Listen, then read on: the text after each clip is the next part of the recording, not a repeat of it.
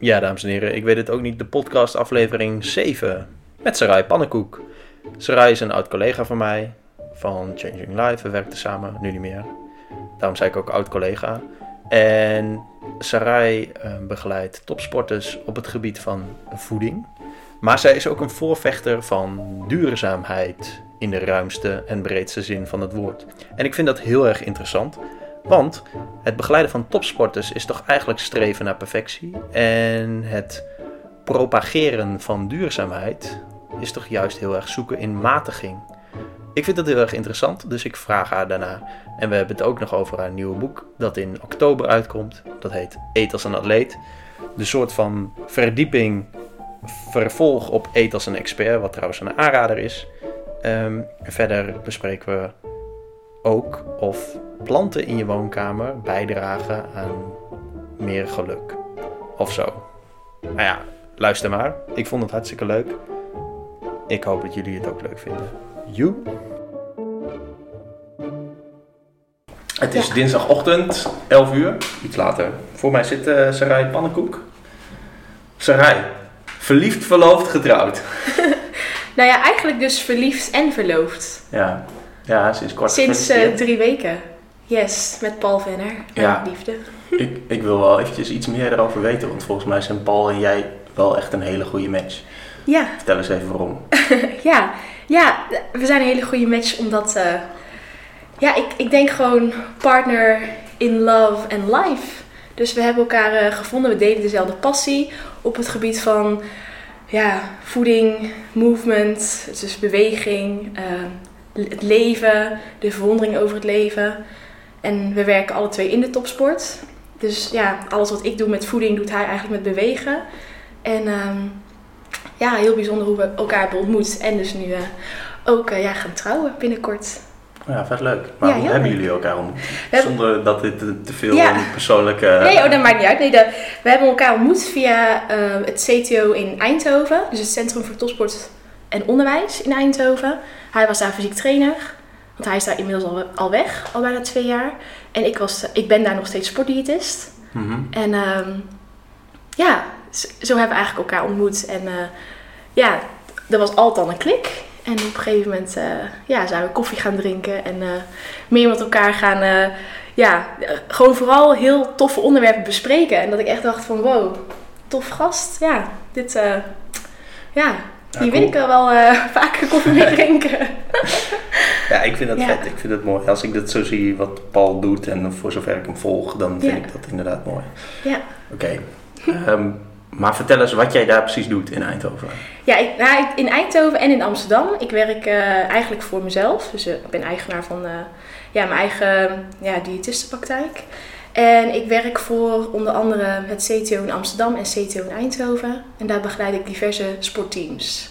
Oké, okay. zoals? Ja, in Eindhoven het zwemmen, judoka's, honkbal, voetbal... En in Amsterdam ook damesvoetbal, damesbasketbal, uh, de dames rugby sevens, honkbal, softbal. Maar echt, gewoon echt alle complete teams. Als je het hebt over zwemmen, zijn het alle Nederlandse Nee, bij zwemmen, ja. Het zijn wel, het zijn, uh, eigenlijk is, dat noemen ze dan de S-1. Dus dat is eigenlijk de senioren min 1. Ja. Dus dat zijn eigenlijk de zwemmers die net onder dat seniorenniveau zitten. Ah, oké. Okay. Dus dat zijn talentvolle zwemmers. Oh, die er wel naar toe willen. Ja. Of niet, ja. niet die het zijn afgehaakt. Uh, nee, nee, die hebben nog, nog steeds kans. Ja, dus ze moeten zich ook... Uh, um, ja, ja, ze moeten zich nog echt bewijzen, zeg maar. Maar okay. ze trainen al wel ja, heel veel voor, voor, voor, omvang nu. En ik begeleid ze daar dan in de voeding. Voor omvang? Ja, dus ze trainen meer. En ja. dan trainen ze ook op techniek en zo. Maar echt om te zorgen dat ze dadelijk mee kunnen in zo'n nationaal trainingsprogramma. Oké, okay, en je bent diëtist, dus wat doe je dan? Je schrijft ze voeding voor? Ja, onder andere dus zowel individuele begeleiding als ook groepsbegeleiding. Uh, ik, ik, doe de suppletie, dus vaak uh, ja, vanaf oktober ongeveer beginnen we met de vitamine D suppletie. Ja. Bij heel veel sporters, dus niet alleen de zwemmers, maar heel veel anderen. Afhankelijk van, uh, van de bloedwaarde. Maar inderdaad ook gewoon echt sportspecifiek, dus individuele, individuele begeleiding. Wat ik heel leuk vind, want dat is natuurlijk wel mijn ja, mijn specialisme. Mm -hmm. uh, waarin ik dus ook differentieer tussen verschillende dagen, rustdagen, trainingsdagen. Één keer daags trainen, twee keer daags trainen. Ja, dat vraagt toch allemaal een andere behoefte. Maar dat is toch, een, het is toch heel erg... Dan heb je echt heel veel cliënten eigenlijk. Ja, dat heb ik ook. Is dat niet moeilijk? Nee, superleuk. Maar kun je ze dan... Ja, ik heb ook personal training gegeven. Ja. En ik wil het er niet mee vergelijken. Ja. Dat doe ik ook niet. Maar ik vond het echt bij tien mensen die ik begeleide al moeilijk. Maar en jij begeleidt er nog veel meer. Hoe hou je die mensen uit elkaar? Hoe, moet je daar een persoonlijke band voor mee hebben Ja. dan? Ja, Werkt dat dan beter? Ja, daar heb ik, ik heb met de meesten ook wel echt een goede persoonlijke band. Dat vind ik ook belangrijk, zodat we daar ook gewoon open en eerlijk over kunnen praten. Over wat makkelijk gaat in de voeding en wat misschien nog uitdagingen zijn. Eh, maar niet met iedereen heb ik een individuele, ehm, een individueel traject. Want sommige sporters gaat het gewoon heel goed. Mhm. Die weten al heel veel over voeding. Of daarbij is het nog niet aan de orde dat ze individuele trajecten moeten starten. Dus ehm, ik zie heel veel sporters, maar ik zie er ook heel veel nog niet. Ja.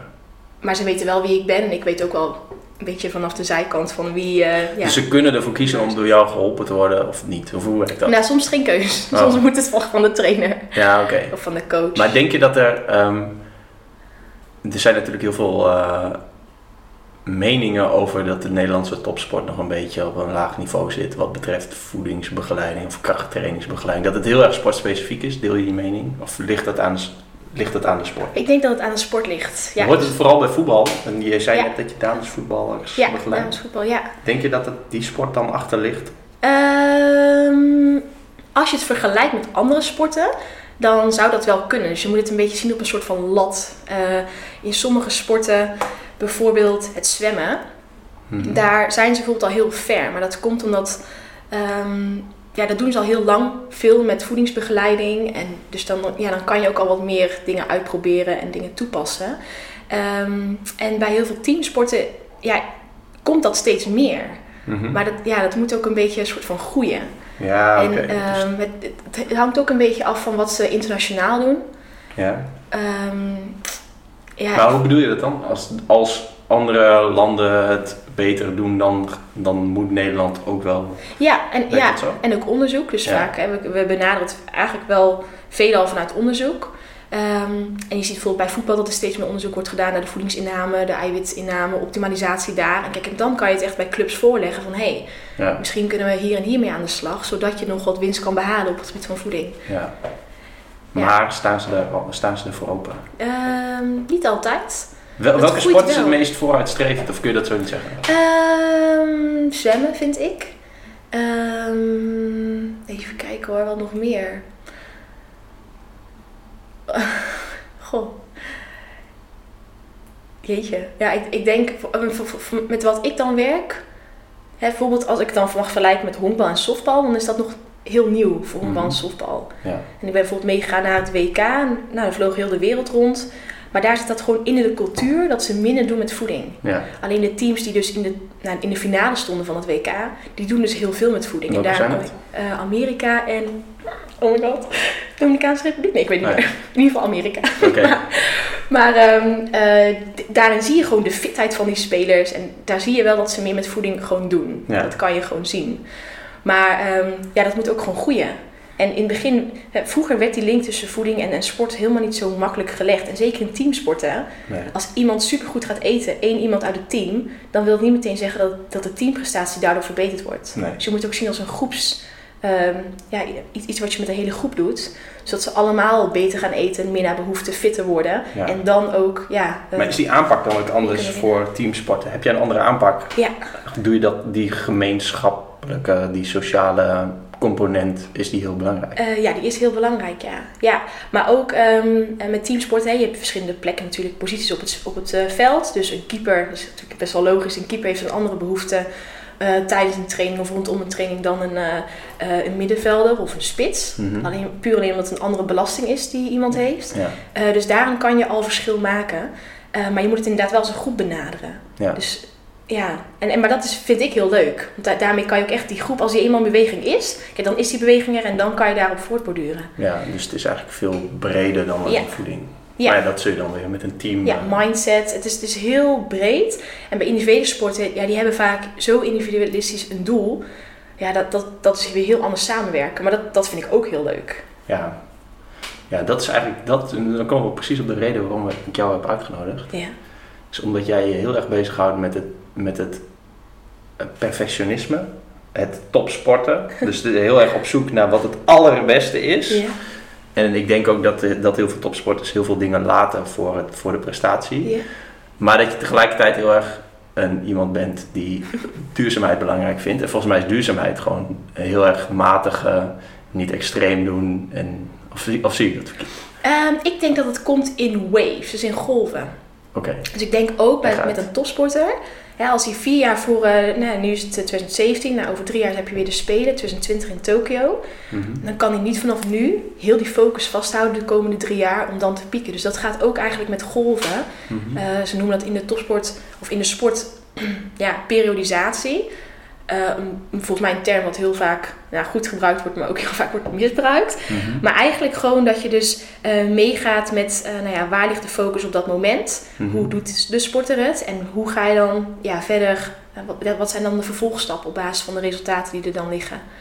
En dus het draait inderdaad om perfectie, maar er zit ook zeker herstelmomenten in en zeker rustmomenten. En dan pak je het weer op en dan ga je weer verder fine-tunen en dan komt er weer een rustmoment. Dus ja, een soort van golven zie ik het gewoon. Dus ja, oké. Dus eigenlijk is je conclusie, je hoeft niet Dus het is altijd een te combinatie eigenlijk van.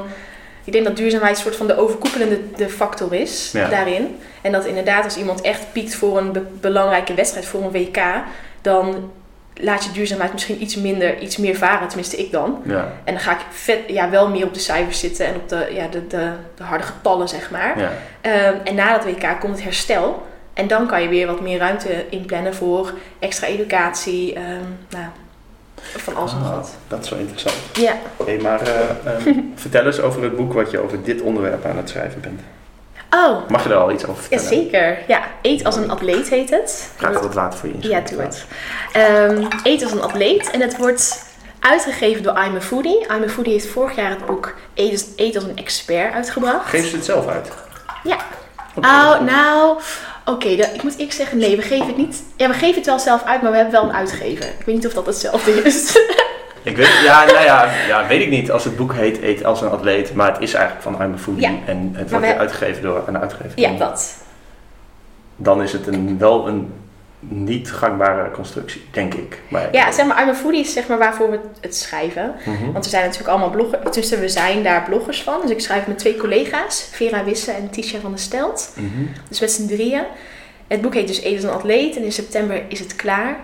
En daarin maken we eigenlijk de vertaling van de wetenschap op dit moment over sportvoeding. Want er wordt onwijs veel geschreven. Mhm. En die vertalen we naar hele praktische tips, tools en recepten Ja. voor een sporter. En het kan een amateursporter zijn, eh, iemand die gewoon wat fitter wil worden, tot aan de topsporter. We, ja, we zorgen dat Maar die hebben er allemaal wat aan? Ja.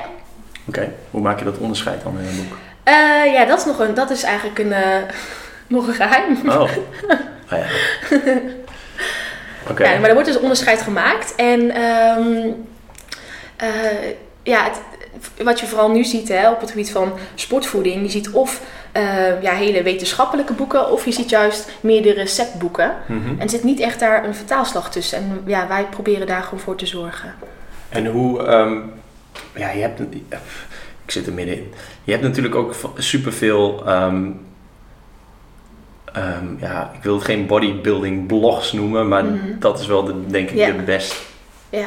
beste benadering van de, de categorie. Wat vind je daarvan dan? Het is, Ehm, ja, Of is het, een, is, het, is het een antwoord daarop?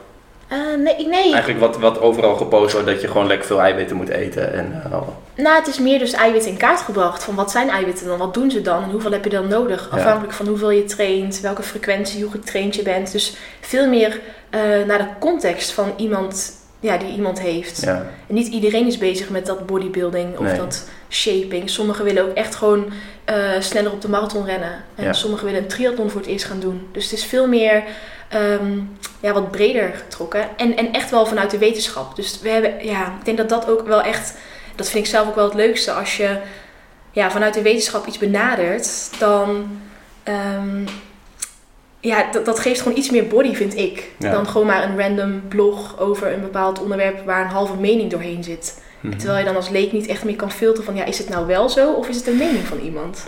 ja, precies. En wij geven niet heel veel onze mening, tenzij daar echt ja, nog niet echt wetenschappelijk bewijs voor is, dan geven we onze mening. Maar we proberen het zoveel mogelijk te onderbouwen van alle wetenschappelijke ja, stukken die er zijn. Mhm. En op basis daarvan consensus. En vaak zijn die consensus, die, die heb je al internationaal gezien. Ja. Nou, dan gaan wij daarop verder. Dus eigenlijk is het best wel een saai boek. Nee, Als het alleen maar consensussen zijn. En nee, dus het wordt zeg maar echt de wetenschap vertaald naar de praktijk. Ja. Dus vooral voor degenen die wat meer diepgang willen, nou die kunnen dat, die, die stukken lezen.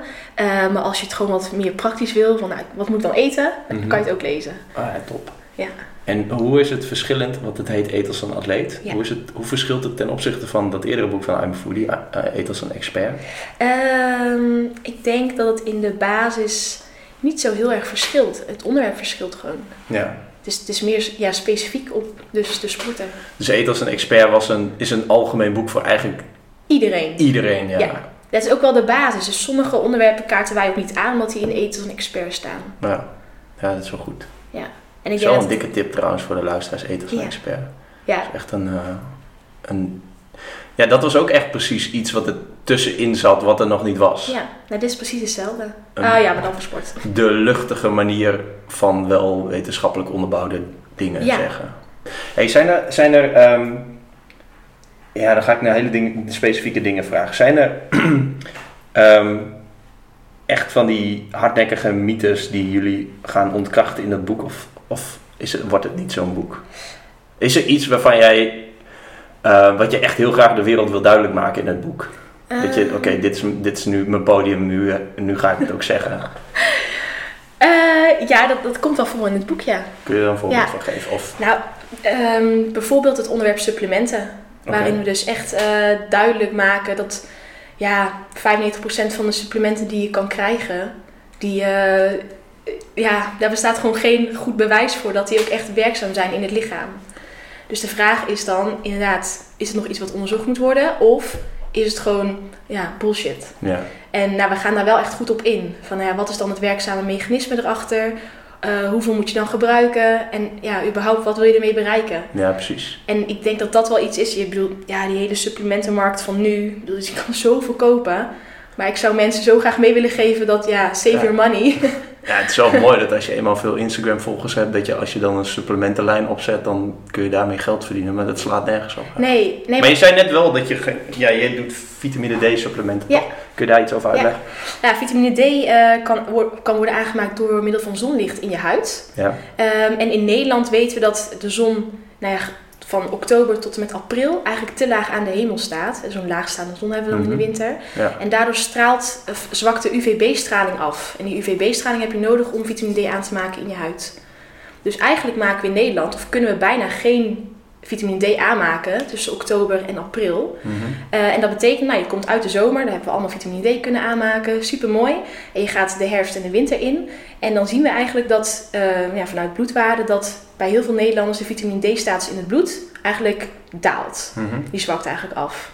En vitamine D in het bloed, ehm, vitamine D wordt steeds vaker gelinkt met ehm, nou, zowel eh, spieren, maar ook ehm, je immuunsysteem. Eh, de winterdip wordt er soms zelfs aan gerelateerd. Dus eh, heel veel Nederlanders, de meeste, doen er gewoon goed aan om in die maanden vitamine D te suppleren. Ja. Zodat je in ieder geval zorgt dat je vitamine D-status niet te veel daalt in de winter. Dat je hem eigenlijk gewoon een soort van behoudt. En dan kom je, nou in, april staat de zon weer wat hoger. Dan kan je weer stoppen, want dan kom je als het goed is weer voldoende buiten. ja. En dan kan je weer vitamine D aanmaken door middel van je huid. Oké, en zijn er meer, meer supplementen die je wel zou moeten nemen? Of specifiek niet? Of eh, je- Ehm, nou, ik denk dat vitamine D de belangrijkste is. De, heel veel andere supplementen zijn eigenlijk vaak afhankelijk van de status die je in je bloed hebt. ja. Dus bijvoorbeeld bij moet iedereen als zijn bloed gaan zitten meten? Of... Ehm, dat hoeft niet, maar bijvoorbeeld als je vegetariër bent, veganist en je Ja. eet wat minder vlees of geen vlees, dan kan het zijn dat je ijzerstatus wat lager wordt. Mhm. Eh, als je dan in combinatie daarmee ook nog duursporter bent en je bent vrouw, dan Mhm. zien we vaak wel dat die een lagere ijzerstatus hebben. Ja. Op basis van die indicatie kan je dan ijzer gaan suppleren of je ijzer eh, in de voeding verrijken. Je voeding verrijken met ijzer. Ja. Ehm, Maar moet je, moet je daarvoor een, een bloedtest doen? Of kun je gewoon dingen afvinken en dan Nee. zeggen, oké, dan ga ik maar ijzer suppleren? Nee, ik zou dat wel op basis van een bloedtest doen. En dan het liefst voor en erna. Ja. Eh, omdat je dan ook weet, hoe, kijk, ieder lichaam is anders. Sommigen die reageren heel makkelijk op een bepaald supplement. Dan Ja. zie je meteen dat die status wordt verhoogd. Oh, oké. En sommigen hebben veel meer daarvan nodig. Dus om gericht te suppleren zou ik dat altijd doen in combinatie met een arts en eventueel een diëtist. Maar in ieder geval met een arts. Mhm. Om even te kijken, nou ja, hoeveel is er nodig om alles weer een beetje op, omhoog te, ja, te krikken. Ja, interessant. Ja. Dus, maar, oké. en, eh, ehm, maar verder, vitamine D, ijzer. Is, want Ja, ik, ijzer- ik heb altijd gehoord... Nee, ik heb niet altijd gehoord. ik vind het een heel erg logisch eh, argument voor een, voor een multi, een multivitamine ehm, supplement. Ja. Is dat het een soort verzekering is? Want als je dan een tekort hebt, dan heb je een multivitamine supplement die je dan eventueel aanvult. Is daar wat voor te zeggen? ja, hoe wij het vanuit de voeding, de sportdiëtiek en ik denk sowieso de algemene diëtiek het- benaderen, is dat een supplement zou altijd een, ja, eh, een aanvulling moet zijn op je basisvoeding. Ja. Dus eigenlijk wil je er echt ernaar streven dat je zo gevarieerd, zo ja, goed mogelijk in de basis eet. Gewoon met huistuin- en keukenmiddelen. Ehm, en als dat helemaal in orde is, dan zou een laag gedoseerde multivitamine, dus echt waarom, ja, waarin alle stofjes 100% of minder zijn, dus Ja. 100% van de aanbevolen dagelijkse hoeveelheid Ja. of minder, dan zou je dat kunnen doen. Maar dan moet ik meteen zeggen, dat zou ik eigenlijk niet eens adviseren, omdat ik ervan uitga dat iemand zo gevarieerd en goed eet, dat je dus eigenlijk een multi daarvoor niet nodig hebt. Dat je dus eigenlijk dan geen aanvulling meer nodig hebt. Oké, en dan al die, al die mensen die roepen van ja, maar onze, onze voeding tegenwoordig in de westerse cultuur is, is heel erg laag in micronutriënten. Klopt dat? Ehm, als je het vanuit de wetenschap bekijkt, klopt dat niet. Dus als je daar de metingen nalegt. Het kan wel natuurlijk zo zijn dat heel veel akkers eh, zo, ehm, ja, zo vaak gebruikt zijn dat inderdaad de mineralen, dat, ja, dat, de, dat de akkers wel een beetje ja, een soort van doodbloeden of zo. Ehm, maar ik, ik zou dan nog steeds de winst echt zien in de basisvoeding. Ja. Dus inderdaad, ga dan, ja, optimaliseer is dat. En als je dan echt nog denkt dat je het nodig vindt om een multi te gebruiken, dan zou dat kunnen. Maar ga alsjeblieft dan wel altijd voor een laag gedoseerde. Want je ziet ook heel veel multis die dan eh 2000% vitamine A hebben en dan 50% vitamine B1. Dus Mhm. dat is zo'n grote range. Als je dat elke dag inneemt, dan krijg je elke dag veel te veel vitamine A binnen. Ja. En nou ja, oké, vitamine B1. Dus Maar het is een aanbevolen dagelijkse hoeveelheid. Dus in principe bij heel veel vitamines maakt het niet uit toch Jawel. als het te veel Nee, is. Jawel. Ja? Ja? jawel. Er zit wel een, eh, een eh, aanvaardbare bovengrens in. Dus dan kan het toxisch worden. Oké. Ja. Toxisch is giftig. Voor Ja, de- toxisch is giftig. Klopt. Het ja. is de dosis die het vergif maakt, toch? Ja, dat is, eh, Dat is het ook, ja.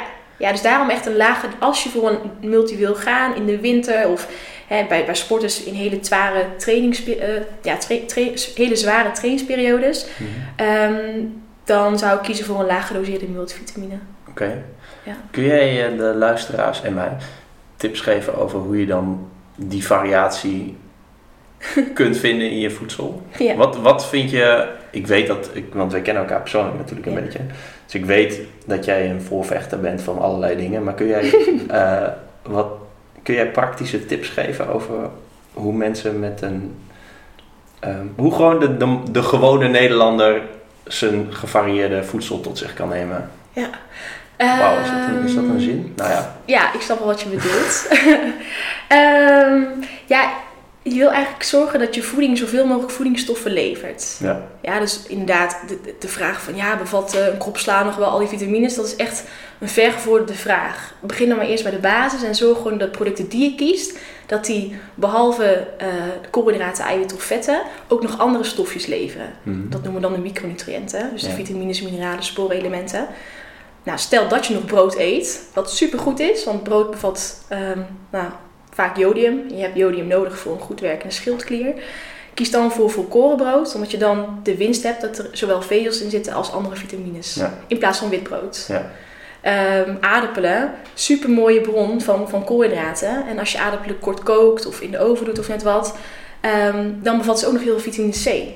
Dus ja, dat is ook weer een mooie bron. Ja. En eigenlijk op die manier gewoon je voeding invulling geven, voldoende groenten.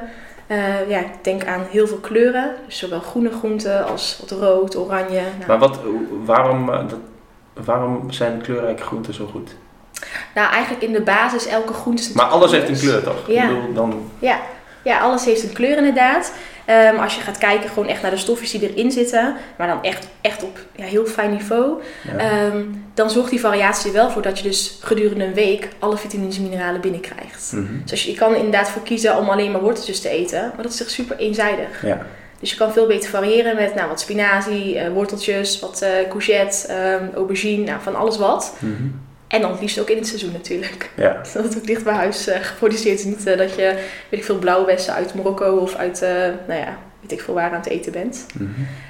Maar in ieder geval dus voldoende groente, fruit, volkoren graanproducten en ehm, ja, zuivel of zuivelvervangers. En nou ja, dat kan je dan verder uitbouwen. Ja. Met, met ja, andere producten die, die dus altijd meer voedingsstoffen bevatten dan alleen maar die macronutriënten. Ja, oké. Ik weet niet of dit, eh Ja, ik, weet is, niet, ik, ik weet niet als mensen... Ja, de grote grap is als mensen in de supermarkt komen... Sta, komen Ja. ze altijd als allereerste bij de belangrijkste... Ja, bij de buitenste bij, ring. de, bij de ja. belangrijkste plek waar je moet zijn. Namelijk de groente- en fruitafdeling. Ja, klopt. Ja. Ja, en de, Michael Pollan zegt het ook zo mooi, hè, dus dat is een, eh, een journalist uit Amerika. Zegt eigenlijk in de meeste supermarkten moet je in de buitenste ring van, ja, van de supermarkt blijven, omdat daar alle verse producten liggen. Ja, Nou ja, als dat al een simpel rule is die je kan toepassen tijdens het boodschappen doen, ja. dan inderdaad begin je met groente en fruit, met wat zuivel of eventueel zuivelvervangers, eh, wat brood, volkorenbrood. Nou, eigenlijk gewoon ja, die verse producten. Mhm. Dan heb je ook veel minder van die binnenste schappen nodig. Ja. Want in die binnenste schappen, ja, daar liggen vaak de producten met de E-nummers en heel veel zout en ja, Mhm. allemaal dingetjes om, eh, om lang houdbaar te ma- laten maken. Maar die heb je niet echt nodig in je basisvoeding. Je- Oké, je stipt heel even kort één nummers aan. Nou, Ja. ik krijg heel vaak van die mensen die zeggen: Ja, ik eet dit niet meer, want er zitten allemaal E-nummers in. Dan denk ik: Ja, je eet eh, een pakje maggi. Nou ja, ik vind het heel goed dat je geen maggi meer eet. Maar het is niet heel gek dat er E-nummers in zitten. Want ja, iets moet die, die poeder eh, tomatensaus. Ja, moet het naar tomaatsaus laten smaken. Dus tuurlijk Ja. zijn er E-nummers aan toegevoegd. Ja, ik vind het zo'n rare cont- controverse bij E-nummers. E-nummers zijn in principe veilig, maar producten met E-nummers zijn meestal niet echt waardevolle producten. Dus, Ja, dus ja, je kunt het prima eten, maar eigenlijk ook weer niet. Ja, nee, dat, precies, Dat is ja. dus het hele... het is veel makkelijker om zelf je tomaatsaus te maken natuurlijk. Nou, het is niet makkelijker, maar het is misschien wel leuker. Oké, misschien leuker. Ik En goedkoper bedoel misschien leuker. Ja. ja.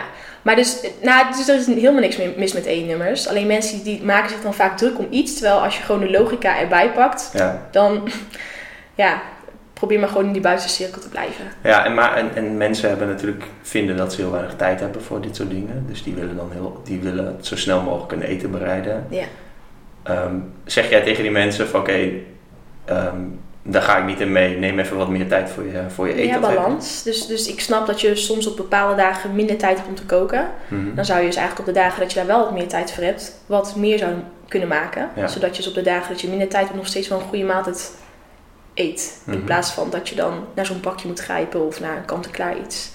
Maar ook als je dat wel doet, dan is dat ook prima. Zolang die balans er maar is. Ja. En de voorkeur, ik vind wel... Ja, weet je, in zoveel culturen is, is dat eten gewoon zo belangrijk. En ja, heel veel culturen eigenlijk. En daar besteden mensen ook gewoon veel tijd en aandacht aan. Ja, Dat proef je vaak ook. En hoe meer tijd en aandacht je aan je eigen bereiding besteedt, hè, van je eigen eten, hoe meer je het ook met aandacht en liefde zult opeten. Omdat je weet hoeveel tijd er eigenlijk in zat om Ja. het te maken. ja en, maar is dan wat je hierna wil vertellen, is dat dan beter voor je lichaam direct? Of is het beter voor de planeet? Of is het beter voor... Voor alles. Gewoon alles als in, ook voor... eh, het is, het, is, het is goed om, om gewoon eh, je, je, je maaltijden te bereiden met aandacht en liefde. En dat ook samen met andere mensen op te eten. Dat is heel goed voor jou als persoon. En ook voor andere personen. Gewoon Ja. voor de, je, je, je algehele gemoedstoestand. En gewoon ook even uit dat drukke leven stappen. Om heel even tijd te nemen voor samen zijn. En nou ja, samen eten. Ja, je hebt wel volgens mij goed de, boeken van Michael Pollan gelezen.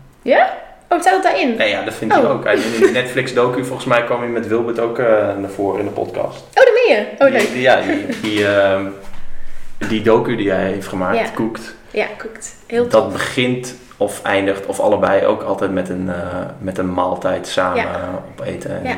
die hele gemeenschap rondom voeding vind Ja. ik ook wel heel erg. Ja, maar het is. En ik ben half Molux. En ik ben nog vroeger... Oh, eten was altijd bij ons zo'n... Ja, als ik een, een maaltijd bereik binnen een half uur... dan is dat voor Molukse begrip echt mega snel. Want mijn, mijn moeder, die, ja, die kookt gerust, eh, weet ik veel, vier tot zes uur voor... eh, ik weet niet, een of andere traditioneel maaltijd. Ja. Met al mijn tantes en, en, en, en ja, oma vroeger ook.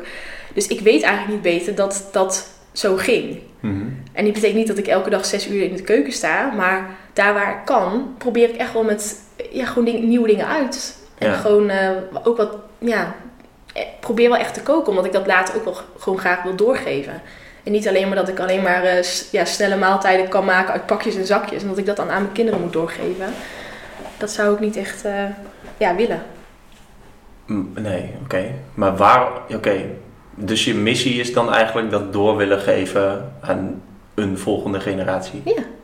Ja, en, Daarom ik- nog kunnen laten... Nou, nee, ik doe het ook echt voor mezelf. Ik vind het ook echt heel leuk natuurlijk. Ja, maar hoe, waar komt de- dat? Is, probeer dat er een beetje in Ja. te fietsen in mijn podcast. Ik probeer dan achter te komen, maar waarom doe jij de dingen die je doet? Je waarom doet. help jij topsporters? Waarom vind je dat zo Ja. belangrijk dat mensen ehm, ja, veelzijdig eten? Waarom?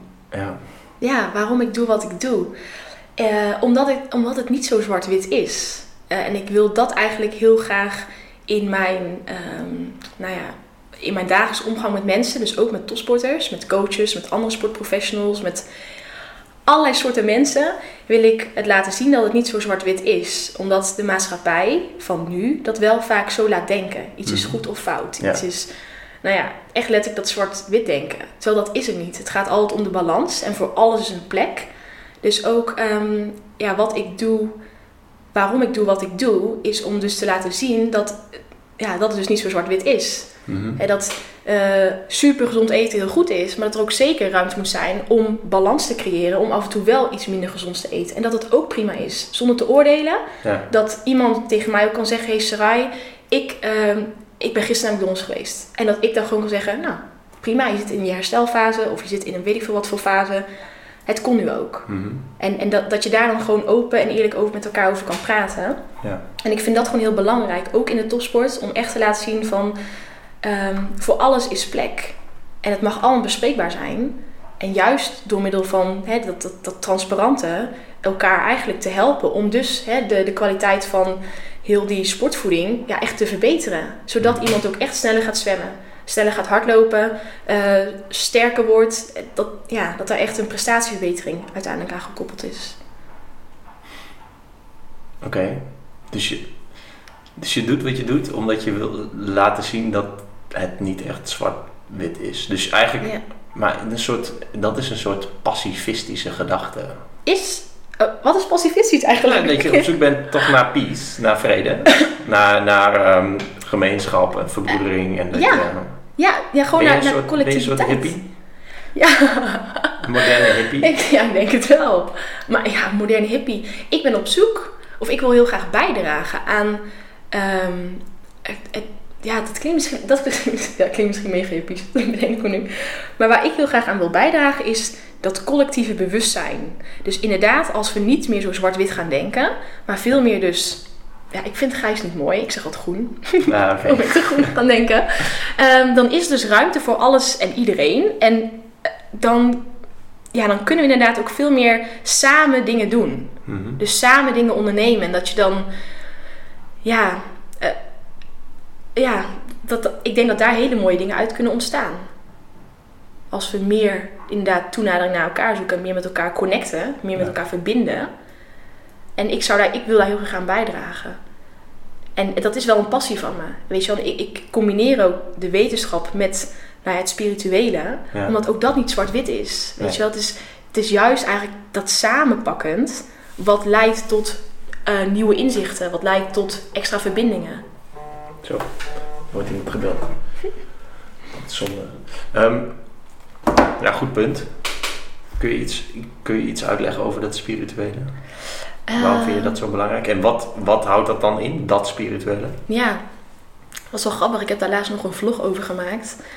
Dat spirituele, en dat is, dat is echt wel, ik denk gewoon voor mij. Ik weet niet, ik weet niet of dat. Ik denk dat voor iedereen is dat weer een, andere, een ander iets. Mm-hmm. Maar voor mij betekent dat dat ik gewoon het op zoek ga naar wie ik ben en wat ik, waarom ik hier ben op aarde. En wat ik dus daarmee kan doen. Ja. Ik heb altijd wel gehad dat ik hier met een missie op aarde zit. Ik, ik ben altijd wel zo heel, ik weet niet, uh, actief geweest in nou ja, wat ik ook doe. Ja. Omdat ik gewoon beweging wil creëren.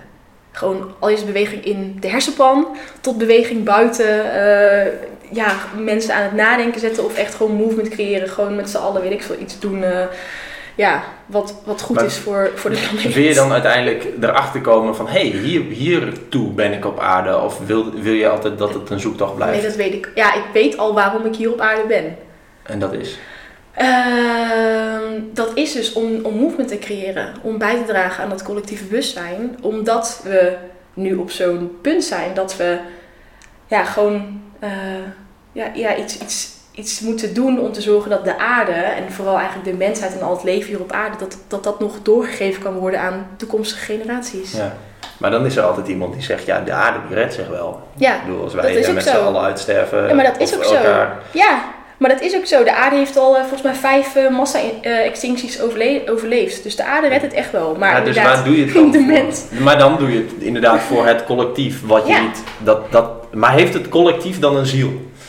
Dat is een- nee, maar dat is een beetje Ja. hetzelfde als dat boek van Bas Haring, Plastic Panda's. Hm. Die vindt dan, ja, voor die laatste panda maakt het... Het is niet zielig voor die, voor die panda. Nee, Het is ook niet zielig voor die soort, Ja. want die soort heeft geen ziel. Het is zielig voor de mensen die het concept Ja. eh, uitgestorven diersoorten, Ja. dat het eh, belangrijk vinden. ja, en dat, ja.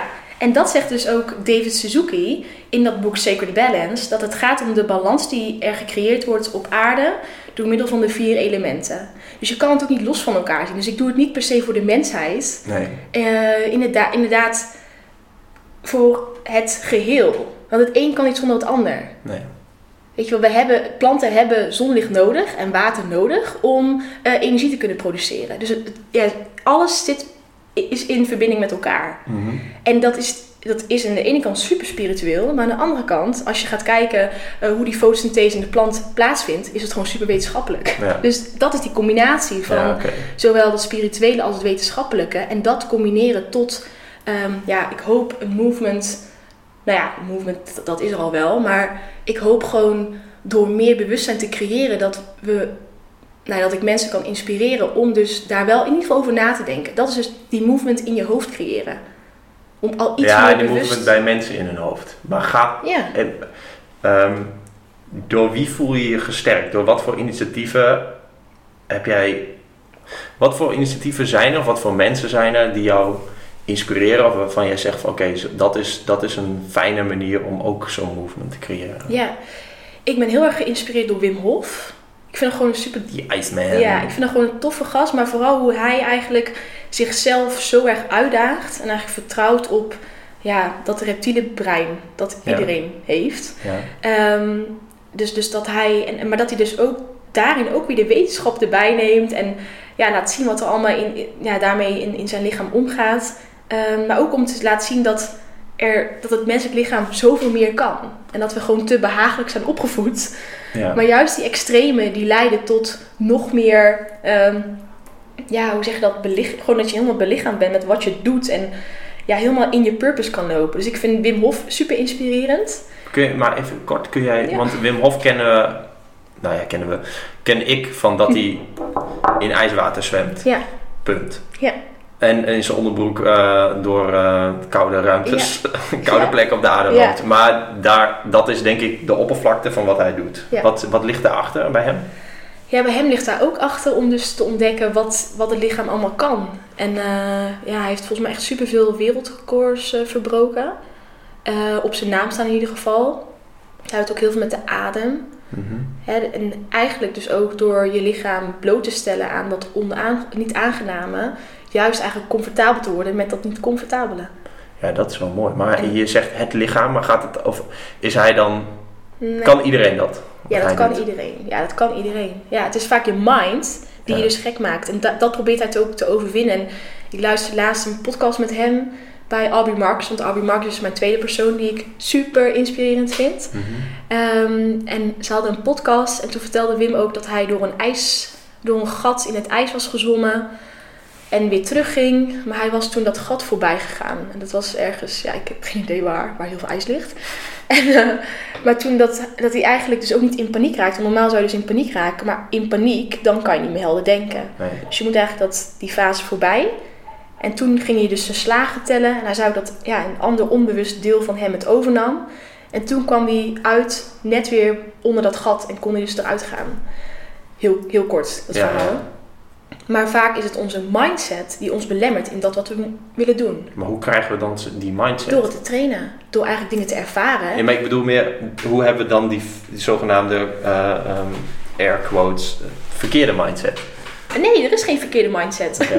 Nee, maar je zegt die mindset beperkt ons. Ja, maar dat is. Maar Ja. hoe krijgen we dan, hoe, hoe hebben we zo'n beperkende mindset gekregen? We, Ik de denk dat mens. het in de mens zit. Dat is fysiologisch. Oké, Wij hebben volgens mij en- een extra deel in onze hersenen, wa- waardoor we heel veel met gedachten zijn. En Oh, dus en als je net zegt dat reptiele brein, is het gewoon dat, dat binnenste, hoe heet dat eigenlijk? ja, dat zit bij je pijnappelklier. Ja. En daarbuiten is het zoogdier en daarna is het het menselijke, toch? Zo werkt dat toch? Ja, ik weet Reptiele niet. is meer instinct. Ja, dat is en- instinct. Ja, ja, ja. En, ja. en daarboven, daarbuiten Ja. zit emoties en daar weer Ja. buiten zit ratio. Ja, wij zitten te veel vaak in ons hoofd. Of nou, in ons hoofd. Ik denk dat we ons wel vaak laten belemmeren door onze gedachten. Terwijl je bent niet je gedachten. Nee. Eh, en door dus meer, nou ja, A, daar bewust van te worden, maar ook dus meer dingen te ervaren, dan zie je dat, het, dat, dat, je, in, ja, dat je zoveel dingen kan. Zolang je maar gewoon je focus ertoe zet. En ehm, ja, je niet laat belemmeren door die angst. Die wordt gecreëerd door je, ja, je gedachten. Ja. Dus het is een deel het mindset. Het is dus trainen. Maar het is ook zeker gewoon je gedachten op een bepaalde manier aanschouwen. En er niet te veel in meegaan.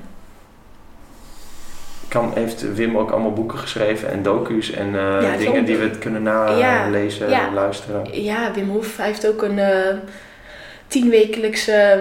Ja, dan kan je een ijsbad in en dan kan je met adem. Tienwekelijkse programma, geloof ik. Kan je op zijn website vinden. Hij heeft ook een community. Kan je ook deel van, van eh, worden. Je kan ehm, eh, Wim Hof trainingen doen bij verschillende Wim Hof trainers. oké. Er zijn ook trainers van in Nederland. Wow, hij heeft een imperium gebouwd. Ja. ja, en het leuke is dus dat hij het ook echt onderzoekt met die wetenschap. En dat vind ik gewoon fascinerend. Dat het niet alleen maar iets... eh, oh ja, iemand gaat alleen maar in zijn boxshort de Kilimanjaro opklimmen. Mhm. Maar hij, hij ondersteunt ook echt met wetenschap... dat je dus, hè, zolang je focus hebt op iets... dat je ook echt je lichaam kan beïnvloeden. Ja, wat het lichaam. Hoe komt hij erbij om dit te doen? Hoe is hij? Doet hij al, volgens mij... Ik heb al eens een keer een documentaire van hem gezien... dat hij al sinds, ik weet niet hoe oud hij was... al buiten in de sneeuw zat... en, en altijd naar buiten ging om zichzelf maar uit die comfortzone te halen. Dus dat is al... Volgens mij is dat hem met de paplepel ingegoten. Ik vind het interessant, ik ga het checken. En die tweede persoon, die je zei, oh, Aubrey Marcus, ja. wie is dat? Aubrey Marcus heeft ook een gelijknamige podcast. Ehm, en hij doet heel veel met ayahuasca. Ah ja, En ayahuasca is een, eh, een drankje uit de Amazone. En nou ja, hij, hij is heel erg spiritueel, maar daarnaast is ook heel erg juist weer down to earth en gewoon ja, lekker genieten van het leven en eh, ja, play life, zegt hij altijd. Mhm. Dat vind ik gewoon heel inspirerend om daar die combinatie van te zien. ja. Ja, we zijn hier allemaal eigenlijk om het leven gewoon te ervaren zoals wij het ervaren. Ja, Ja. alleen is het dus zo lastig als mensen zeggen, ja, maak je niet zo druk om dat dan los te laten. De dingen die je zei, de, de adem, meditatie en ayahuasca is heel erg eh, individueel. En niet met anderen communiceren, maar heel erg met jezelf. Maar zijn er niet tools dat je met iemand anders of in een groep of weet ik veel, door een boek te lezen of een cursus Dat te kan, doen, ja, dat kan ook- zeker. Ja, tuurlijk. Ja, ja, want het, het gaat er uiteindelijk om dat je gewoon hè, zoveel mogelijk dingen uit je verleden, wat het ook is, bewust of ja, ik denk heel veel is ook gewoon onbewust in je lichaam opgeslagen om dat te ontdekken. Ja. En dat wat daar mag zijn, mag daar blijven. Wat geheeld moet worden, moet geheeld worden. Ja. En wat eh, weg kan, dat kan weg. En eigenlijk is het hele leven is eigenlijk een reis om dat te ontdekken. ja. En om je dus voor te bereiden op de dood. Nou, dat is leven. ja, dus, Ja. dus, dus er Nou ja, zijn zoveel manieren. life een, een Ja. fijne motto. Ja, ja. In Ja, plaats van voorbereiden op de dood. Ja, ja, maar dat is wel zo. Dus het gaat er uiteindelijk om dat je dus ja, zoveel mogelijk inzicht krijgt in wat er dus allemaal in jou al zit. En dan zul je zien dat, ja, zo, dat er eigenlijk alles al in je zit. Ja. En het is dus de kunst om dat te ontdekken. En er zijn zoveel tools voor. Nou, ayahuasca is één tool. Ehm, maar het kan, je kan ook lekker gewoon inderdaad mediteren, yoga doen, inderdaad boeken lezen. Het, alles. Ja, het kan allemaal. Dus vooral, en ik denk dat dat ook belangrijk is voor de luisteraars, dat ja, ontdek gewoon wat voor jou werkt. ja. En, en pin je niet op vast dat je dit moet gebruiken, dat je Nee, dit ja, moet doen. Misschien Nee. is, is het daarom goed inderdaad om, dat in, om die dingen, die individuele dingen te doen. Omdat je dan niet zoveel wordt beïnvloed door iemand anders. Ja, maar ook vooral dus met jezelf te verbinden en te connecten met, oké, wat wil jij dan doen? En stel dat je bewijs van wel ayahuasca wil gaan doen of net wat. Voor wie doe je? Weet je wel, doe je het echt voor jezelf? Ja. Of is het omdat iedereen uit heel eh, je omgeving het heeft gedaan en je dus denkt, oh, ik moet het ook doen? Ja, precies. Nou, dat is niet, ik denk niet altijd even goed. Voel gewoon wat je zelf moet doen. En als het dan is dat je lekker daar niks mee doet, nou doe je lekker niks mee. Nou ja, ik weet niet of het, je zegt voel gewoon. Oké, ja, klopt. Ja, oké. Nee, maar, nee, maar ik denk dat we daar toch de kern raken. Ja. Ik denk dat er heel veel, voor heel veel mensen dat, dat zij shit doen die ze Ja, maar dat heeft dus met bewustzijn te, te maken. Ja, dat je Ja. dan pas later, dat je nu misschien denkt van oké, ik doe dit omdat ik Dat- zelf wil, maar dat je er dan later pas achterkomt Ja. van hun, maar, Maar dat is ook prima. dit, Ja, eigenlijk wel. daarom. Ja, en dat is ook een mooi inzicht. Ja, En dan kom je misschien tot, andere inzicht, tot een nieuw inzicht dat, dat het misschien veel dieper geworden is. Dat je dingen voor anderen doet. Ja. En dat het misschien terugkomt eh, uit je jeugd bijvoorbeeld. En, en dat is dus zo mooi om dat allemaal te ontdekken. En daar heb je een heel leven voor. Dus je hoeft ook allemaal niet vandaag of morgen te beslissen en allemaal te weten. nee, Vertrouw op dat, dat, dat het vanzelf komt. ja.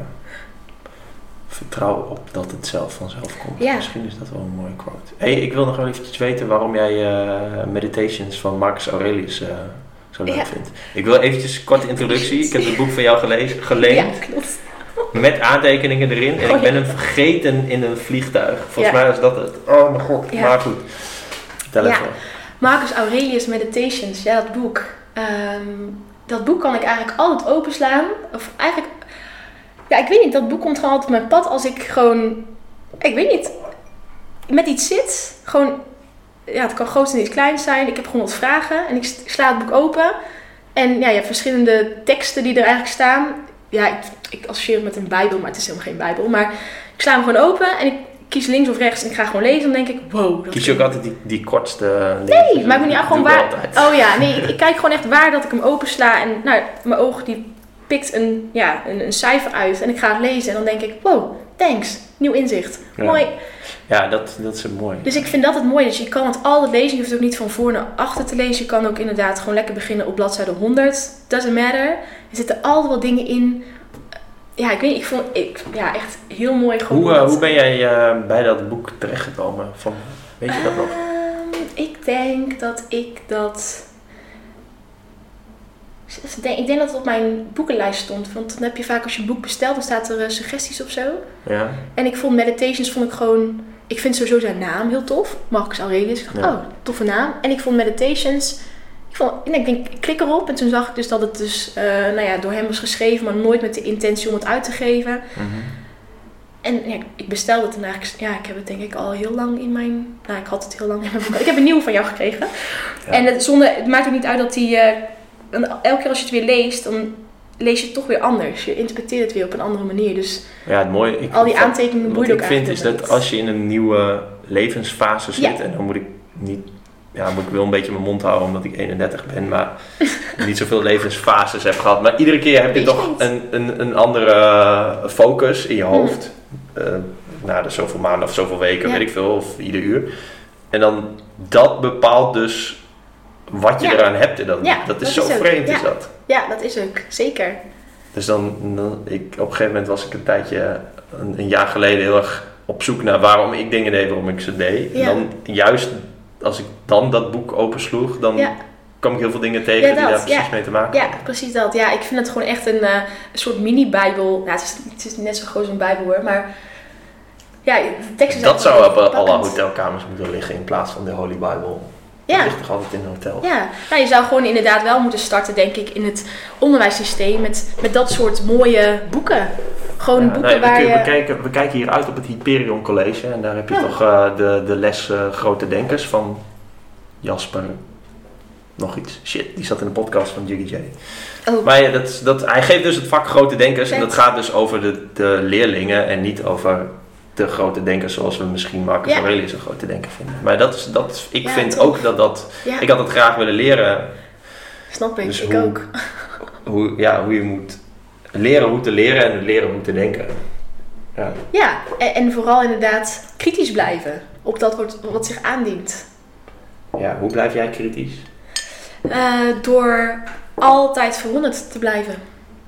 Altijd verwonderd te zijn, maar ook altijd, ja, hoe zeg ik dat? Ehm, aan de ene kant dus de wetenschap die, mijn, ja, die ik dan erbij raadpleeg. En als ik iets lees, dan denk ik, ja, is dat zo? Mhm. Ik, ik vraag me altijd af of het echt zo is. Of heel vaak. Is dat echt zo? Of is het omdat iemand dit vindt, denkt, nou net wat? Ja. Ehm, maar daarnaast is het altijd ook verwonderd te zijn over het feit dat nog niet alles is zoals wij denken dat het is. En ook niet alles al ontdekt is. Dat alles al geschreven is. Dat er altijd nog, nou ja, dat er eigenlijk heel veel is dat we nog niet weten. Ook al doen we alsof we alles weten, maar dat is nog helemaal niet. Ja, ik denk sowieso dat eh, nieuwe, dat heel veel dingen ook opnieuw geïnterpreteerd worden en daardoor anders zijn. Dus Ja. Toch? Dus Ja. iedereen heeft zijn eigen werkelijkheid. Dus Ja, dan- dat sowieso. als de tijd verandert in de cultuur en Ja. de, de manier waarop we naar iets kijken. Dat is waarom gebouwen gesloopt worden. Ja. Toch? Ja. Omdat vroeger waren ze mooi en nu niet meer. Dus dan moeten ze weg. Of dan, dus ja. Ja. ja, ik vind dat wel jammer hoor. ja, soms is het jammer. Niet altijd. Maar het, het, het is wel, want eh, ja, het is een podcast, maar mensen kunnen niet het uitzicht zien. Dat is wel de reden waarom hier haasjes in de achtertuin lopen. Ja, klopt. Dus omdat hier een, gebouw- een lelijk gebouw stond dat weg is. Ja. En het is natuurlijk ook... eh, Maar er komt Ja, wel weer een enorm, weer enorm appartementencomplex. ja. Waarom is je passie Braziliaans jiu-jitsu? Braziliaans jiu-jitsu inderdaad. Ehm, wat is mijn passie? Omdat ik het spelletje super tof vind. Het is natuurlijk voor de... Ja, ik weet niet of mensen het kennen. Maar... Nee, jiu-jitsu is Japans. Ja. En opeens heb je Braziliaans Ja. jiu-jitsu. Hoe, hoe werkt zoiets? Oh, ja, oh, ik hoop echt dat ik het goed vertel. Ja, dat geeft niet. Ehm, nee. Ehm, er was eh, dus inderdaad, traditioneel jiu-jitsu is Japans. Toen was er een Braziliaan. ik, ja, ik durf het niet te zeggen, maar ik denk dat het iemand was van Gracie. Die ging naar eh, Japan en die leerde daar dat traditioneel jiu-jitsu. En die heeft het meegenomen naar Brazilië. En die heeft er volgens mij een eigen nou ja, variant van ontworpen. Mhm. En toen was het Braziliaans jiu-jitsu. Braziliaans jiu-jitsu is vooral eigenlijk het grondgevecht. Dus ehm, ja, je kan het vergelijken. Nou, je kan het niet vergelijken met judo, maar je hebt wel gewoon een wit een pak aan. Wit, Mhm. blauw, zwart, maakt niet uit. Een pak. Je hebt een band. Eh, je hebt vijf banden. Dus wit, blauw, paars, bruin en zwart. Zwart is het hoogst haalbare. En eh, het is misschien ook mooi te weten dat zwarte band, nou, dat duurt gemiddeld ongeveer 10 jaar. 10 jaar dedicated trainen eh, voordat je dus je zwarte band haalt. Maar waarom is dat? Want ik weet, ik heb tien jaar ervaring met judo. Is Ja. het, je moet je de hele tijd examen doen en op een gegeven moment moet je die kata's leren. Dus Ja. dat zijn een soort, ja, het is een soort toneelstukje, maar ook een bewijs dat je Ja. bepaalde bewegingen kan. Ja. Ja. Is dat bij jiu-jitsu anders? Jiu-jitsu is een heel complex spelletje, omdat het eigenlijk gaat, hè, je vecht dus met een opponent op de grond. Ja. Ehm, en het gaat eigenlijk om de dominantie. Dus je, je, kan, nou ja, je kan onderop liggen of bovenop, je kan ook weer wisselen, het gaat er maar net om. Ehm, je wil eigenlijk die andere dus controleren en het liefst wil je ook zorgen dat die andere afklopt. Ja. Dus door middel van een verwurging, een, eh, nou een armbar heet het dan. Dus dan overstrek je eigenlijk eh, het ellebooggewricht. Maar dat kan ook bij de pols, bij de enkels. Ehm, en dat is eigenlijk het hele spelletje. Dat je eigenlijk in elke situatie probeert om controle te krijgen over je opponent. Dus je, de, de sparringspartner. Maar die, die ander doet het ook bij jou. Ja. Dus het is continu een spelletje. En of je nou je arm ehm, ja, links hebt, rechts hebt, net wat. Alles heeft weer gevolgen voor hoe de ander de controle kan overnemen. Ja. Het is een beetje een soort van ja, schaken op de mat. Maar het is daarnaast ook gewoon ja, super... Ja, s- ik vind het gewoon een heel mooie, mooie sport, omdat het zo technisch is. En ook omdat je... Maar is het ook heel competitief? Want als je iemand wil uitschakelen, nou niet per se uitschakelen, maar Ja, je hebt dus je hebt uh, traditioneel dwingen tot overgave. En dat is het toch, Ja. dat afkloppen, dat heb je Ja. in judo ook. Ja. Dus, Ja, ja, of dus als je wedstrijden doet, en ik heb natuurlijk heel veel wedstrijden gedaan, dan eh, kun je ook punten winnen. Dus dan heb je gewoon voor elke movement die je doet, of niet elke, maar voor sommige movements die je doet, kan je punten verdienen. Is dat te vergelijken met judo? Want als je Nee, bij, bij judo is, is het eigenlijk het Newaza, dus het grondgewicht wat bij judo Newaza heet, dat Ja. is eigenlijk Braziliaans jiu-jitsu. Maar bij judo stoppen ze vaak, want bij judo heb je ook de houtgreep. Bij ja, Braziliaans jiu-jitsu is dat niet, dan, dan noemen ze dat eh, stallen, omdat je dan de wedstrijd eigenlijk stillegt. ja. En je moet in beweging blijven. Oh, interessant. Ja, en het is gewoon. Kijk, ik, heb, ik kom natuurlijk uit de kickboxwereld. Ik heb vijf jaar eh, vet veel gekickboxd. En als ik ging hardlopen, dan voelde ik me toch niet helemaal veilig. Omdat ik dacht van ja, ik weet al hoe ik eh, van voren iemand moet eh, neerslaan en schoppen. Ja. Maar als ik van achter word aangevallen, dan weet ik niet wat ik moet doen. En toen ik het startte echt- met... Komt het echt van, vanuit zelfverdediging? Voor mij wel. Ja, voor mij is het echt omdat ik dacht, ik wil meer. En ja, toen ik eenmaal met Braziliaans jiu-jitsu begon, was ik helemaal verkocht. En ja, het is, het is gewoon echt het spelletje. En ook, hè, dan train je de ene keer een bepaalde armklem vanuit een hoek. Ehm, maar ja, die hoek komt niet heel vaak voor. Dus je moet hem of zo creëren dat je dus die armklem daar kan neerzetten. Of Ja. je moet gewoon een heel scala hebben aan verschillende hoeken. Waarin je dus die armklem kan aanzetten. Ja. En dat maakt het En zo moet je tof. dat dan laten zien voordat je die zwarte band krijgt? Nee, zwarte band is eigenlijk... ehm, ja, je, je, je kan inderdaad... Het, het verschilt volgens mij ook echt per... ehm, eh, per team hoe dat is. Je hebt inderdaad sommigen die doen dan met een examen. Soms moet, is het gewoon omdat je dus vooruitgang boekt in je trainingen. Eh, komt er een soort eh, graduatie aan en dan krijg je een extra krijg je een nieuw band. Oké. Ja, maar gemiddeld duur ongeveer twee jaar per band. Ben je er nog actief mee bezig? Eh, iets minder. Ja, iets minder nu. Maar dat komt omdat ik gewoon ja, heel. Nou, druk is het verkeerde woord hoor. Maar heel erg bezig was met landen in Amsterdam. Want ik woonde niet zo lang in Amsterdam. Mhm. En ik dacht allemaal dat het allemaal van een leien dakje ging. Maar ik moest echt nog even landen hier. Even aarden. Even gewoon met mijn sporters inderdaad. Even een ritme creëren. Heb je dat nu? Ja, Woon je hier fijn? ik woon heel fijn in Ja, Amsterdam. ik heb jou wel eens gehoord over een van de projecten met, met hele kleine mini self-sustainable huizen vlakbij Amsterdam. Klopt dat? Is dat een droom van je om zo te wel, ja. leven, Ja. wonen? Het hoeft niet per se heel klein te zijn. Maar ik zou... Ik vind sustainer homes... Ja. vind ik heel tof. Ik vind het, heel, het lijkt me heel mooi een uitdaging om eh, nou ja, klimaatneutraal of in ieder geval klimaatpositief te kunnen leven. Het lijkt me gewoon echt heel tof. Maar ook daarmee dus, Klimaatpositief is... is ja, dat je eigenlijk nog zelf iets meer teruggeeft. ja, ja, precies. Dus Ja. neutraal is dat je dus daar gewoon helemaal in balans bent, maar positief dat je dus eigenlijk nog iets teruggeeft. En dat is wel echt nog een droom van mezelf, maar ook gelukkig van die van Paul. Dus we Ja. kunnen dat samen combineren. Ja, maar ik vind Amsterdam heel chill. Ik vind het eh, leuk hier. En ik denk uiteindelijk, ja, het belangrijkste is gewoon eh, hoe je je inderdaad voelt en, en hoe je geaard bent. En dan zou het in principe overal eh, gewoon kunnen. Ehm, ja, ja, inderdaad. Ja, oké, ja, ik ben ook wel eens in Ethiopië geweest, dan was het voor mij lastig om te aarden. Maar dat, het zou wel kunnen als ik langer de tijd had Als je mindset goed is, dan in principe zou dat Ja, maar je- kunnen. Als het echt heel taf is, toen ik in Ethiopië was, was ik daarvoor, toen werkte ik nog bij de HAN, was ik daar docent. En ik werd toen samen met drie andere collega's gingen we naar eh, Addis Ababa, Addis Ababa, Addis Ababa. ja, hoofdstad. En eh, voor tien dagen, en ik mocht daar lesgeven over sportvoeding aan allemaal nationaal trainers in Ethiopië. Mhm. Alleen toen wij daar waren, was er ook heel veel roering eigenlijk tussen eh, de, de, de mensen van de stad en de mensen van het platteland. Ja, ik voelde me daar gewoon echt heel naar bij. Ook Ja. dat ik op, op, op eh, universiteit was en dat ik hoorde dat een paar dagen daarna gewoon eh, eh, aanslagen waren. Ja. Dus ja, ik weet niet, dan moet je wel een hele goede mindset hebben om Ja. dan ook nog daar heel goed te kunnen aarden, om heel even dat ook weer te relativeren en weer verder te gaan. Mhm. Ik trok me dat heel erg aan toen. Ik vond het echt heel moeilijk. Ja, snap ik wel. Maar Amsterdam is wel een goede plek voor je. Ja, zeker. Ik woon heel dicht bij mijn werk. Dus ik, eh, ja, ik kan mijn sporters eh, heel veel zien. Dus dat vind ik echt heel fijn. Maar soms moet je naar Eindhoven. Ja. Met je elektrische auto. ja.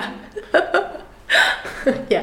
Welke heb je? Is het een goede? Zoe. Even een eh, Renault Zoe. Ja, het is toch een oude versie. Dus hij is al drie jaar oud. Heeft nog een, ja, een kleine actieradius. Want toen waren de accu's nog niet zo groot. Dus je moet als je naar Eindhoven gaat nog eventjes En tussendoor. nee, op, goede dagen, dus als het gemiddeld 20 graden is, je hebt niet te veel wind, dan kan je 150 kilometer rijden. Dus dan haal Oh ja. ik het één keer in Eindhoven. Dan kan ik daar weer laden. Maar inderdaad, in de winter was het wel eh, één keer opladen tussendoor. Want dan heb je gewoon een, een, ja, dan geeft hij veel minder aan op de teller. Ja. Ja, maar dat, ook dat, het maakt het, ja, in het begin vond ik het heel lastig om zo elektrisch te rijden. Eigenlijk omdat ik natuurlijk vanuit eh, ja, gewoon de benzinecultuur kwam, waarin je eigenlijk eh, ja, volg, ja, gewoon alleen maar door blijft gas. Alleen als je elektrisch rijdt, ik rij echt nauwelijks 130 op de snelweg, omdat ik het zonde vind, omdat ik dan heel snel weer moet laden. Ja. Maar nu word je er heel bewust van, bij normale benzine gebeurt natuurlijk hetzelfde. Ja, dat is, Weet je ja. Alleen het is nu, nu zie je het gewoon letterlijk, omdat je accu gewoon echt leeg is. Ja.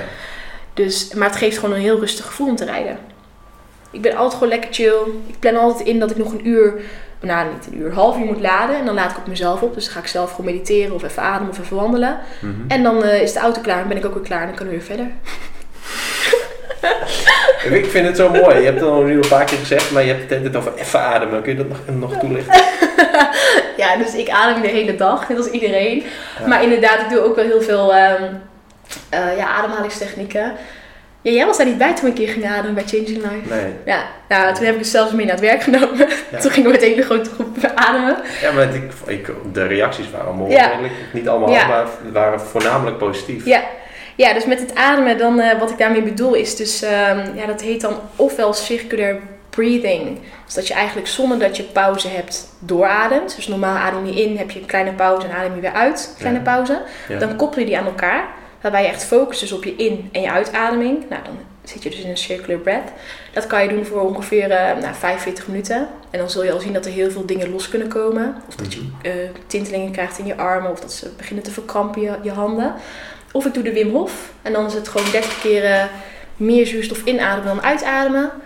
En daarna retentie. Dus dan hou je je adem in. Ja. Maar je houdt hem eigenlijk niet in. Maar het lichaam heeft eigenlijk zoveel zuurstof gestapeld.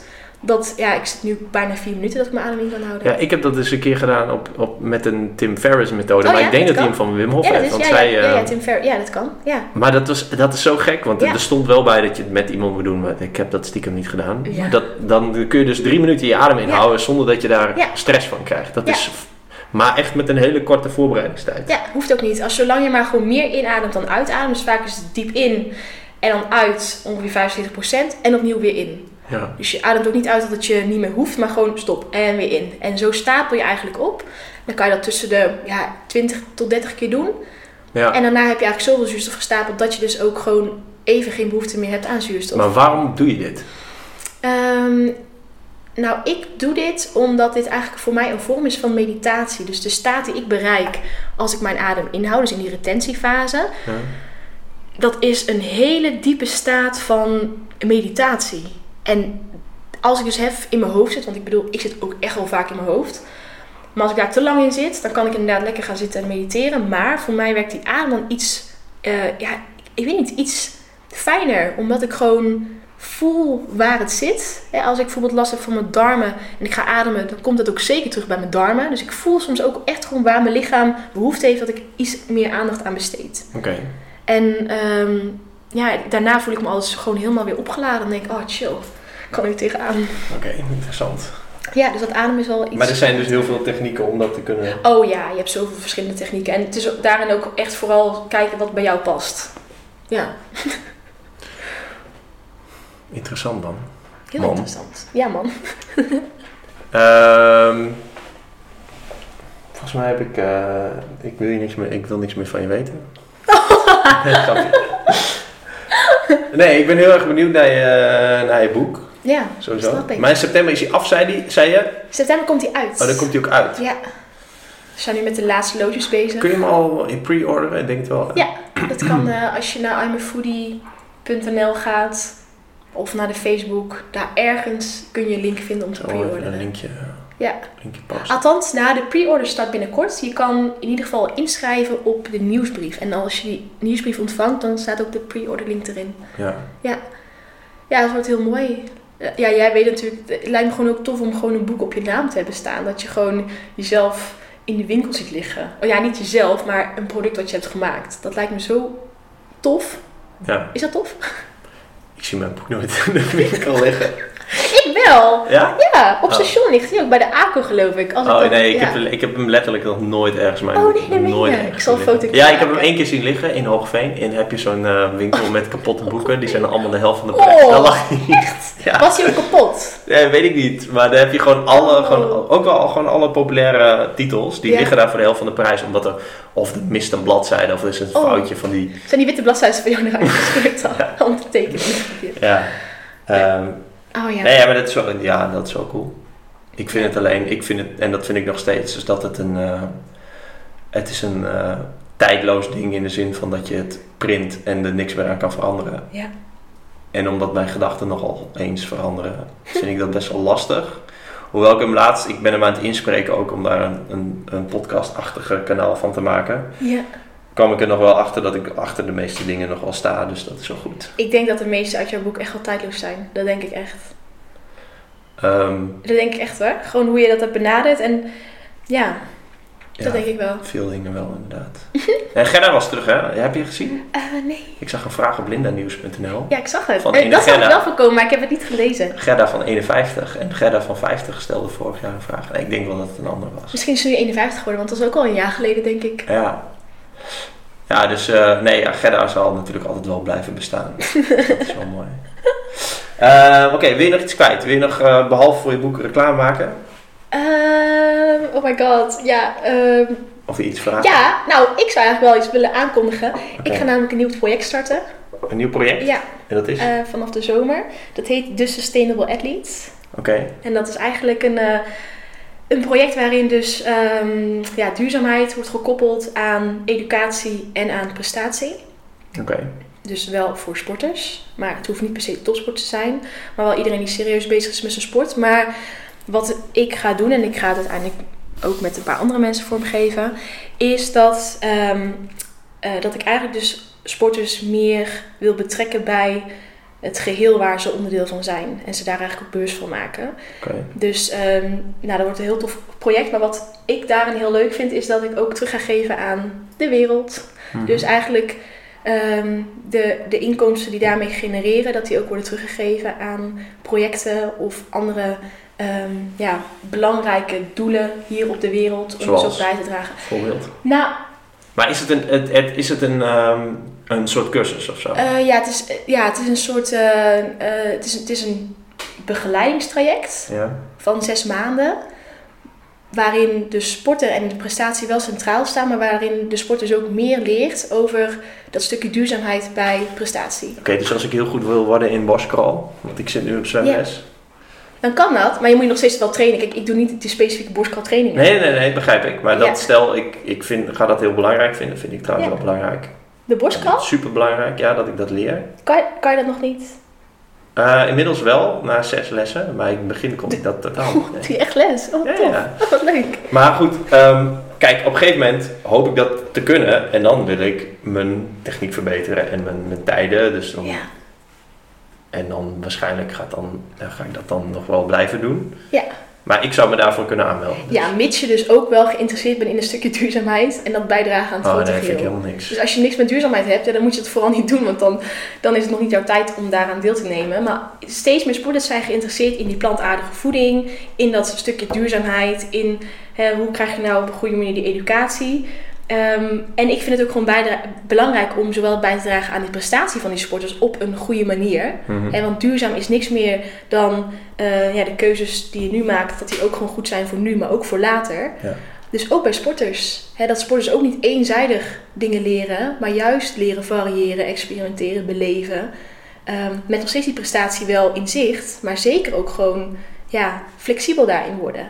En ik vind het belangrijk om daaraan bij te dragen. Natuurlijk als mijn profession, hoe ik ben als sportdiëtist. Maar zeker ook gewoon om dan terug te geven aan nou ja, belangrijke initiatieven in de wereld.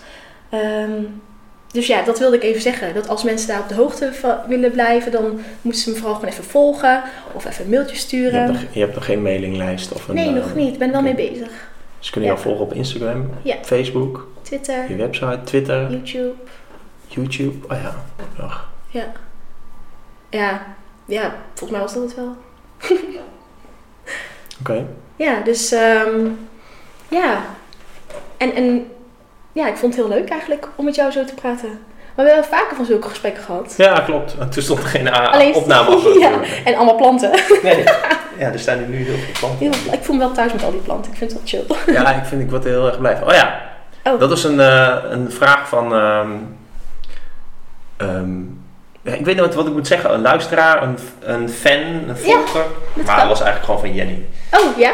Wat, eh, zij wilde weten of, ehm, of er een soort van wetenschappelijk bewijs is voor het eh, belang en nut van kamerplanten.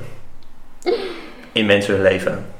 Eh, Of een spiritueel bewijs. Oh shit. Nee, ja, Nou- wat je ervan vindt. Wat ik ervan vind, ja, ik vind het heel belangrijk. Sowieso gewoon voor het zuurstofgehalte. Ik bedoel, er is altijd zuurstof. Maar planten die, die zuiveren gewoon ja, de lucht. Dus het is altijd gewoon goed om planten te hebben. En ik denk, als je in een stad woont, dan is het altijd gewoon goed om wat planten in, in je kamer te hebben. Want dan heb je altijd nog een beetje die connectie met eh, de natuur.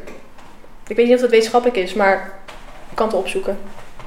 Nou, ik moet zeggen dat sinds ik die eh, planten heb, shout-out naar plantje.nl, Oh, eerste gesponsorde podcast. Nee. Ehm, ja, ik moet wel. Ik heb wel steeds een, eh, een, een hele bewuste herinnering naar bijvoorbeeld reizen die ik heb gemaakt. Of Ja. plekken die ik ben geweest. Ja. Tropische plekken Ja. die ik heel fijn vind. Dus ja, en, en dat, ja.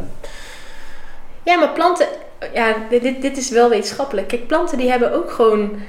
Ik weet heel veel mensen, hè, die, die hebben het altijd over dieren en over dierenleed. Maar planten, die hebben ook gewoon gevoel. Weet je wel? En planten zijn super geniaal. En steeds meer, nou, er zijn on- onwijs veel onderzoeken die aantonen dat planten ehm, hun wortels en al de, die schimmels die daaronder ja. onder de grond zijn.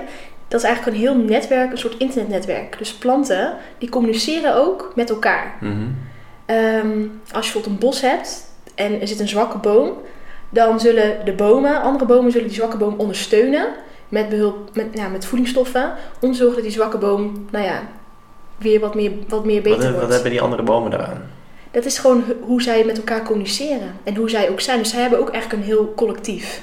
Planten. Ik ken wel anekdotes van dat als één plant of boom wordt aangevallen, opgegeten door een van de dieren, dat dan direct het hele bos weet dat zo'n dier er is of zo. Dat Ja. zijn toch dat soort Ja maar, dat, ja, maar dat is dus het hele internet. Volgens mij in, bomeninternet. in het Engels eh, heet dat eh, mycelium. Dat is Oh, eigenlijk ja. communicatie. Weet je, die fungus, dat is dat wat, wat, ja, wat gewoon zorgt dat die planten dus met elkaar communiceren. Dus daar begint ook meteen dat ethische gedeelte van, ja, we eten wel planten, maar ja, wat, ja weet je wel, die planten hebben ook gewoon gevoel. En dat klinkt super zweverig, maar dat is niet. Het is gewoon zo. Het klinkt super zweverig, maar dat is niet. Dat is denk ik de titel van deze podcast. Ja, het klinkt super zweverig, maar het is niet zo. Ja. En, ja, oké, en dan nog één ding en dan, dan, dan sluiten we echt af. Oké. Maar lijkt het heel tof, stel dat iemand dus helemaal tot het eind van de- deze podcast heeft geluisterd. Heeft geluisterd. Super knap, dat ik hoop het, dank je. ja. Dank je dus. Ehm, ik zou het heel tof vinden als die persoon ook eens eh, een waterbeertje opzoekt. Een, Een waterbeertje. een waterbeertje. Ja, oh ja, het De dier. Ja, ja, ja. De tardigrade. Dat, dat is wel mijn ultieme fascinatie en ik durf daar Dat nu heb, ook heb niet- dat van Cosmos of ken je die al eerder? nee, van Cosmos, maar ik ken hem ook al eerder. Maar Cosmos, toen dacht ik, oh, tardigrade. En ik ben zo gefascineerd door dit ding. En heel veel mensen denken natuurlijk dat ik sportdiëtist ben. Maar ik vind waterbeertjes echt geniaal. Juist ook omdat die al die massa-extincties hebben overleefd. Denk gewoon van, ja, daar zou meer onderzoek naar gedaan moeten worden. Ja. Hoe zij zichzelf, zeg maar, gewoon in tijden van geen zuurstof, geen water, eh, whatever gewoon helemaal op kunnen krullen en dat alles gewoon vast wordt gezet, dat hun DNA gewoon veilig is, Ja. totdat er weer water is en dan ontpoppen ze weer. Hey, dat zou het ultieme overlevingsmechanisme moeten zijn voor ons mensen, om ehm, nou, de komende duizend jaar hier nog op de aarde rond te kunnen banjeren. Ja, maar dan, dan is het nog steeds, dan is het opeens wel weer individueel. Toch? Kan ook met z'n allen, misschien kunnen we met z'n allen zo'n soort van bunker ontwerpen. Ja, maar het is een individueel eh, overlevingsmechanisme. Ja, van de tardigrade, ja. Ja. Ja. Maar Oh ja, dus waterbeertjes. Waterbeertjes. please. Dat is Oké, het. nou eh, bedankt voor het luisteren. Nou, maar kan je dat vrolijker? Oh ja, dat, nee, dat zegt iedereen tegen mij. Nee, maar ik wilde zo... Oké, bedankt voor het luisteren. De show notes kun je vinden op jomedeboer.nl. Ehm ja, dus er staan alle linkjes. We hebben echt veel. Ik denk dat als ik terug ga luisteren en al die linkjes moet noteren, dat we echt veel hebben. Ja. Boeken en Ja. quotes en. Wow, oké. Heel veel bonnen. Ehm, ja, dus dat, de show notes vind je op jomedeboer.nl. Ehm weet je wat ik ook tof zou vinden als mensen deze podcast gaan reviewen op iTunes? Oh ja, Het liefst wel gewoon eerlijk, want nu zijn er twee reviews, namelijk eh, eentje van mezelf ik gezien. en eentje van Carlo, maar daar ga ik straks mee podcasten, dus eh, Ja. dat is de volgende aflevering. Eh, maar het, ja, het zou wel tof zijn als mensen eventjes wat feedback kunnen Ja. achterlaten, want Ja. straks doe ik het helemaal verkeerd. En dan zeg ik, nou en ik doe het wel gewoon zo. Dus dat. Ja, Uh, saraypannenkoek.nl ja. .com. .com. .com. Ben je, ben je in het Engels aan het bloggen? Ja. Oh, oké. Ja, saraypannenkoek.com. Yes. Peace. Doei.